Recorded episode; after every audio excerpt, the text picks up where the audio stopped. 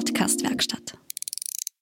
Grüß euch und herzlich willkommen bei meinem Podcast bei Dutschnik Hans auf Tour.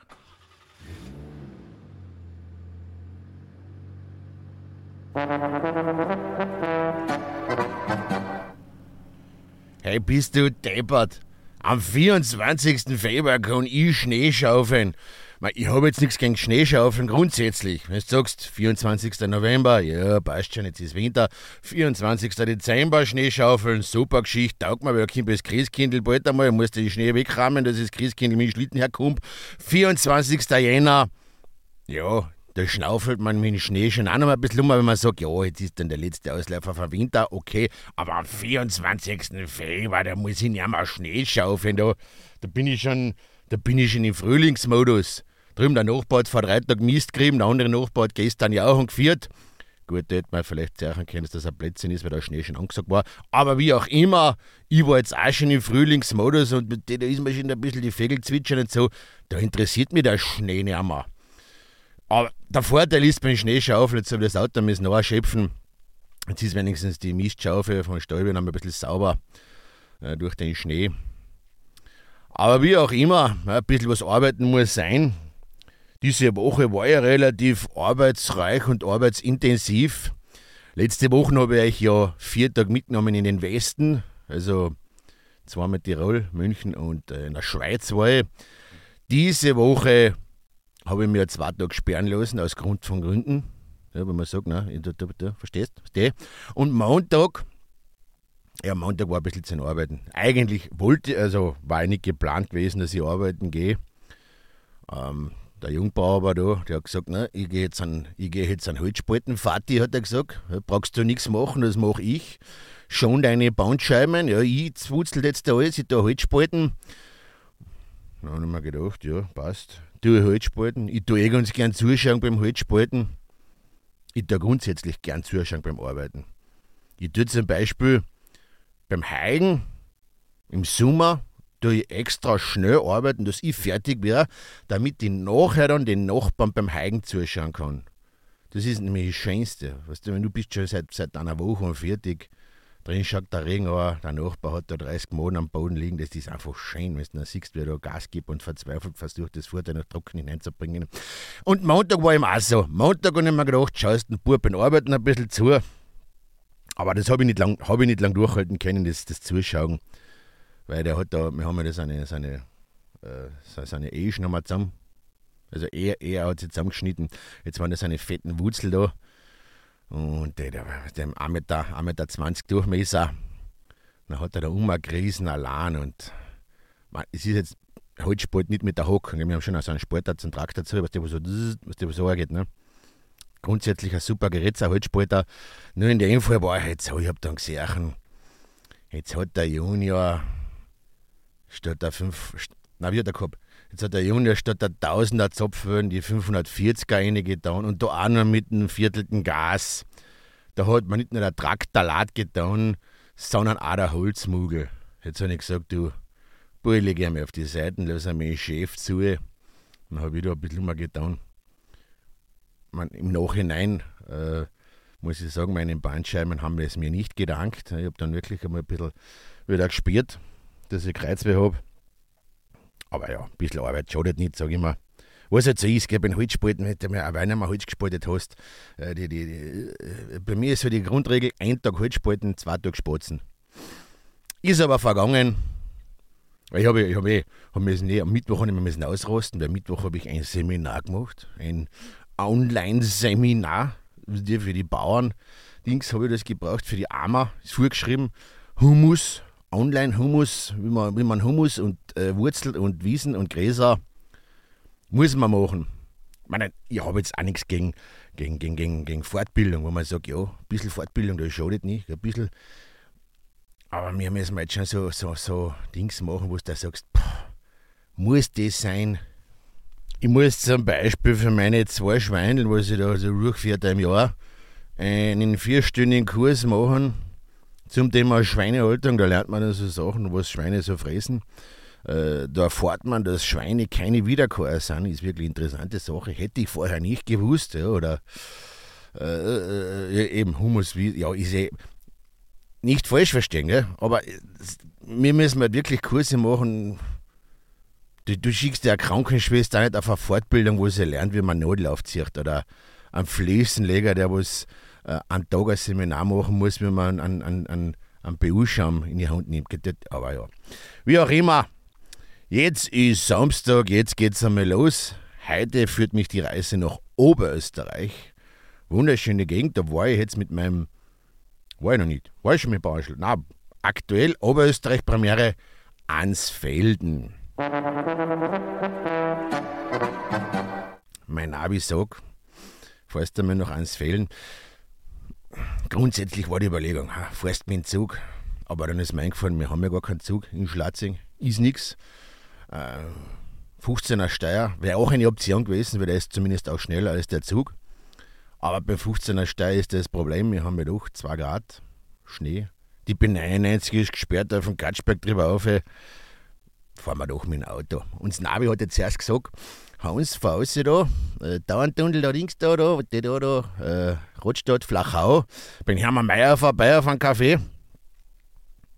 Siehst Hermann Meier, gell, das ist ja muss man Jüngern erklären. Der Hermann Mayer, Ski, Skiweltmeister, Olympia, was der Nagano, was der, der, der Weltcup und Dings da, super ein Genie gewesen. War ein großes Vorbild für mich, skitechnisch. Aber die Jungen kennen ihn nicht mehr. Wenn ich zu meinen Kindern sage, schau, der Hermann Mayer, dann sagen sie, ah, das ist ja der von der Raiffeisenbank, gell? Das ist ja der, der was da die Kredite vergibt, gell? Sag ich, nein. Das ist schon die Heiden.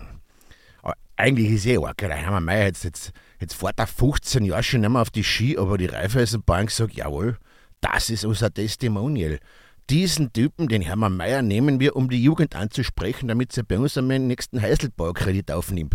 Und nachher wundern sie sich, wenn die Jungen nicht zur Raiffeisenbank gehen, weil der Hermann Mayer sie nicht anspricht, die gehen dann lieber zur, weiß ich nicht, E-Sparkasse. Ja, da ist der Dominik Dem, der verliert immer. Denken Sie sich, ja, der verliert, macht da super Kredite. Wie auch immer, und dann geht es weiter von, äh, äh hat Navi gesagt, dann Salzburg vorbei. Salzburg, was der da, wo der, der Dings ja bist, der berühmte, der berühmte DJ da, der, Mozart, der Wolfgang Amadeus Mozart ist er da her, der aber die Hits so geschrieben hat, dass die, die berühmten Songs da mit, die, die Techno-Version von Elise zum Beispiel, ja, der, was die Rumkugel macht. Ne? Genau, der. Und dann fährst du weiter beim Mondsee. Mondsee, oder wie wir sagen, der Wörthersee für die Armen. Ja, da wohnen die Leute, die sich am Wörthersee unten in Föden kein Grundstück leisten können. Ja, die fahren maximal an Golf GTI. Und nachher dann, äh, außer da, äh, Volbenkreuz und nice Mädchen da. Also Ansfällen ist eigentlich schon Berlins dabei. Aber das Problem ist ja, mein Navi ist ein bisschen deppert. Liebe Grüße auch an meine Autovermietungsfirma. Das Auto kann nämlich, oder das Navi kann nämlich die Staus nicht erkennen. Und deswegen fahre ich heute anders. Ich fahre in Rotstadt, äh, Oldenmarkt Rotstadt ab, fahre durchs Einstal. Okay, da habe ich Jung Erinnerungen wach, weißt du, ich bin ja in Einstal. Ich bin ja fünf Jahre Raumberg gegangen und nach diesen sechs Jahren habe ich Resümee gezogen und gesagt, das waren die sieben schönsten Lebensjahre meines Lebens. Und dann geht es weiter, äh, äh, äh, Lierzen und dann äh, links auf, der die Dingstautobahn, die Bühnenautobahn, die schöne Gegend bin ich Gasten. Aber genug geredet, fahren wir überhaupt einmal los, weil deswegen fahren wir ja erst.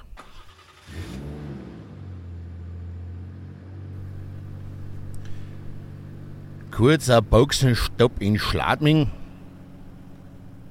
Nee, Sprit, der Sprit ist gar, na gar ist er noch nicht, aber ich gehe daheim. Normal tue ich mir daheim tanken, aber ich weiß auch nicht, da immer da. da wir, haben, wir haben ja nur die eine links und jetzt macht einmal andere, äh, damit das Auto einmal einen anderen Sprit kennenlernt. Und Schladming ist so auch. Schau ich gern. Schau ich gerne immer da auf dem Bichel, da diese Planei. Das ist übrigens interessant, gell? Schladming habe ich zum Beispiel im 96er Jahr einen wunderschönen Maturaball gefeiert.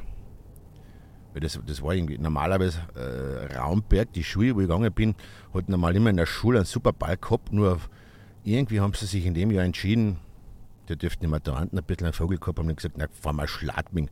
Mitten, fahren wir eine halbe Stunde weg, tun wir in Schladming die Halle mieten, den ganzen Scheiß aufrahmen. Ja, gescheite Idee gewesen. Wie auch immer, wir waren der ganze Truppen oben, haben wir eine Gaudi gehabt. Wobei, ich weiß noch, Matura-Bälle sind ja nur dann lustig, solange es noch finster ist. Wenn es dann einmal so fünf, halb sechs wird, ja, wenn, wenn draußen die Milchmaschinen bei den Bauernhöfen angehen, wenn, die, wenn, wenn, wenn die Helligkeit wieder die Dunkelheit quasi wegschirbt, wenn du dann draußen stehst, du auf Anschlag nüchtern bist, arschkalt ist und denkst, da Scheiße, wie käme ich denn da jetzt überhaupt nach Raumberg wieder hinter? Da sind wir ganze Truppen dann da. Ich glaube, da sind wir ein, zwei Stunden da in Schladming beim Bahnhof gestanden, haben wir gewartet, bis einmal so ein Debatt dazukommt. Ich glaube, da waren wir zu schneller gewesen. Dann sind wir in Trautenfels ausgestiegen, Trautenfels zu Fuß nach Raumberg, also diejenigen, die in Einstal wohnen, die wissen, was das für eine Strecke ist. Ich glaube, irgendwann um neun ist einmal am Hundsmiert ins Internat aufgekommen. Die anderen, die übers Wochenende in Raumberg geblieben sind, äh, die haben dann gesagt, ja, geht's mit in Bad Mitterndorf. Bei Bad Mitterndorf war auf dem Tag äh, Skiflugweltmeisterschaft. Es ist noch ein kurzer Sprung weg. Und wir haben gesagt, ja, bis deppert, was wirst du jetzt am Mitterndorf reingradeln, da die Viertelstunde, da versammst du nichts im Mitterndorf, geh auf, ist ja nichts los. Und der Goldberger kann eh nicht Skispringen, haben wir gesagt. Nachher haben wir dann gesehen im Fernsehen, da waren 50.000 Zuschauer und der Goldberger ist Weltmeister geworden. Haben wir dann im Internat nicht so viel mitgekriegt davon. Wo waren jetzt? Ah, genau, Schladming. Ah und genau, wenn ich jetzt anschaue, Planei, ich weiß ja noch damals, damals hat es immer geheißen, so in den 90er Jahren, wo ich da so äh, im Insta gewesen bin, äh, 3, 94 hat es immer geheißen, ja, Schladming, Schladming ist ja pleite, die Stadt, du. Die haben sich übernommen, weil die haben nämlich 1982 haben sie die Skiweltmeisterschaft unbedingt machen wollen. Dann haben sie da Hotel gebaut und und und und und und dann waren sie pleite. Ja, da war da der Dings, der Kuckuck völlig umgehängt auf der ganzen Stadt. Und dann haben sie angefangen 1997 mit Nachtslalom.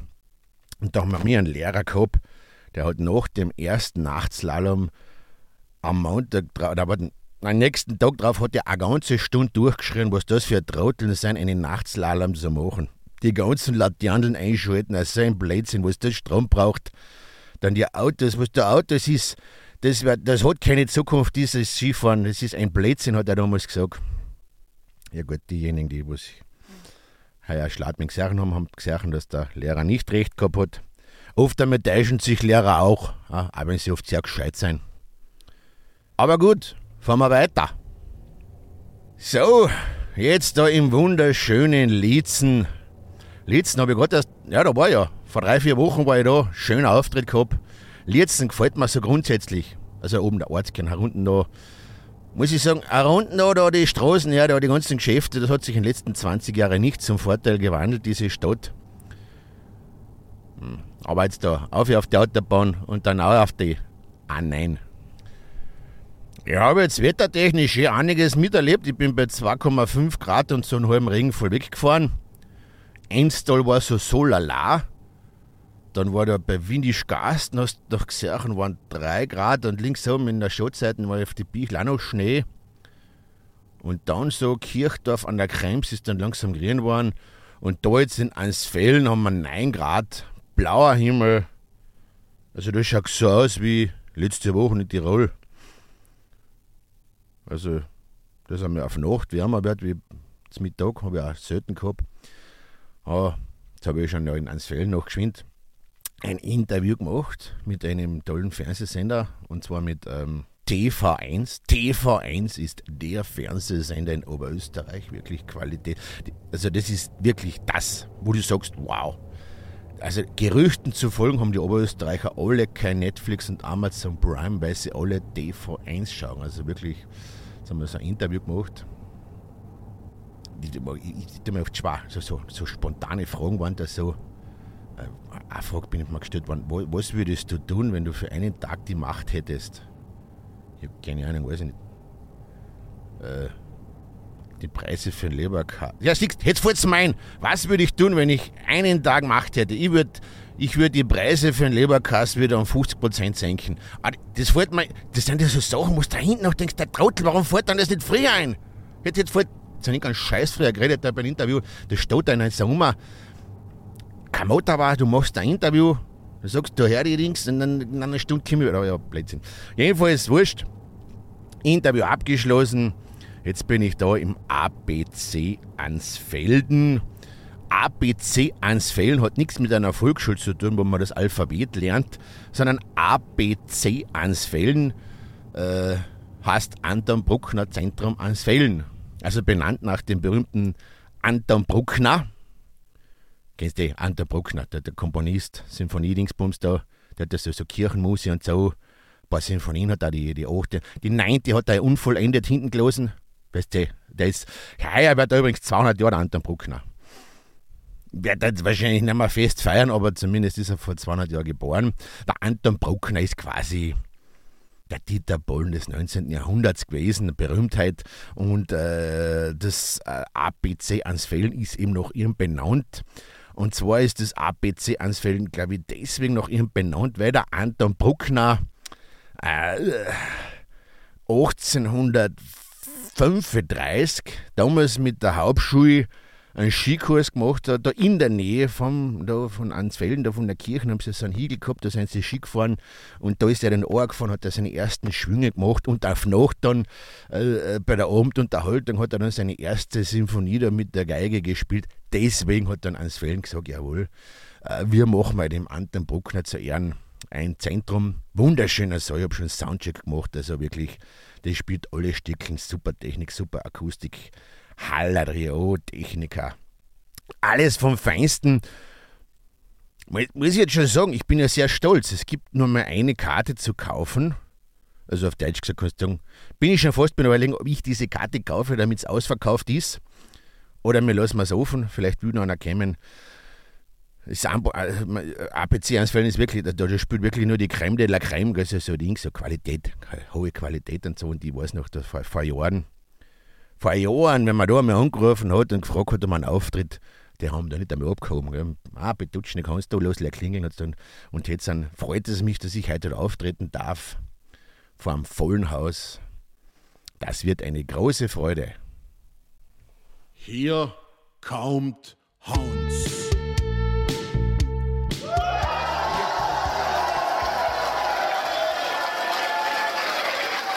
Bin begeistert. Du verneigst dich vor mein Clowns. Komm, schleich die Burli, lutsch dein Lulli, weil du dieses gleich genierst. Puh, so. Feierabend. Gut ist gegangen. War ein toller Abend, war aber heute anstrengend. Das war heute.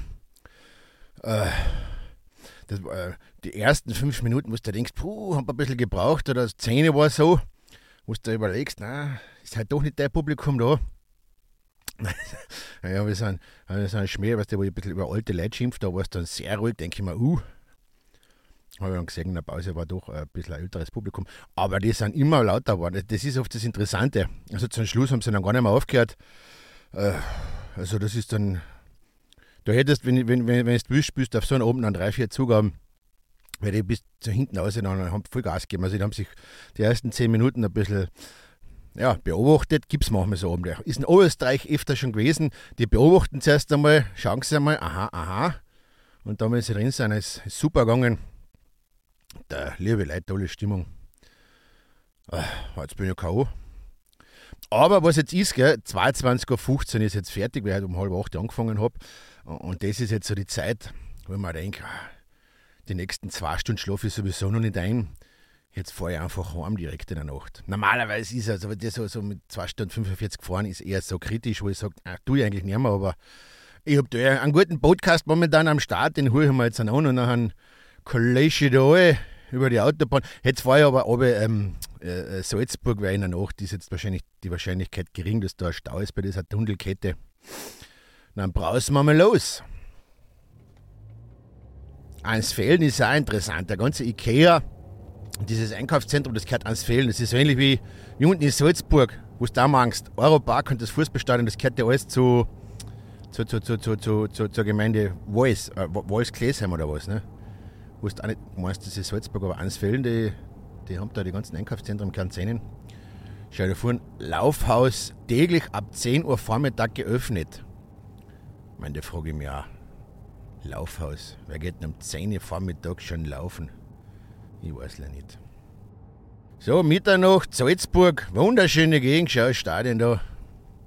Ah, heute hat der Salzburg gespielt, gell? Haben sie, haben sie knapp gewonnen heute gegen Lustenau 17-0. Jetzt fahren wir noch bei Grödig da gleich vorbei. Nächste wunderschöne Stadion Grödig. war mal Bundesliga. Jetzt ist, glaube ich, Regionalliga noch irgendwas. So, äh, gut geht's dahin. Zederhaus. Kennst du den berühmtesten Zederhauser? In Heimat Pfeifenberger. Das war eine, eine Kopfballlegende, guter Fußballer. Der hat wie 15, 16 war mal bei uns daheim in SV Malta ein Testspiel gehabt. Hat damals schon sein Talent aufblitzen lassen, aber ich glaube, durch das Testspiel gegen Malta hat er dann wirklich die Qualität gefunden und gelernt, dass er dann eine Karriere macht, die was bis nach Bremen und ins Nationalteam geführt hat. Ein Uhr, wunderschön. Es ist jetzt echt super gegangen. Bin jetzt froh. Jetzt sind eine in die Hapfen. Ja, bin ich mal. Der Vorteil ist einfach, ich bin einfach der Morgen, bin ich schon daheim. Ne? Wenn man jetzt irgendwo schlafen gehst, auswärts, dann bist du irgendwann um 7 Uhr, 8 Uhr fährst du mal los, weil sonntags haben wir die Hotels sowieso nicht ein Frühstück in der Früh, dann äh, wartest du oft bis halb 8 Uhr, 8 Uhr und so bin ich daheim einfach, da bin ich schon munter, dann starte ich schon in den Tag mit voller Elan. Oder ich starte in den Tag, sagen wir so. Dann kann man was machen auf einen Sonntag, ein bisschen Familie und so, ein bisschen auf Nacht ins Kino, weil wir wollten eigentlich gestern, aber ist ja durch den Schnee nicht gegangen. Mache ich mir einen gemütlichen Sonntag und morgen ist ja dann schon wieder Montag. Ich danke euch, dass ihr mich begleitet habt auf meiner Tour, diesmal noch ans Fällen. Und nächste Woche geht es in die Steiermark. Zwar nach Lassnitz und danach nach Sinnabelkirchen. Das wird eine Gaudi für Denk.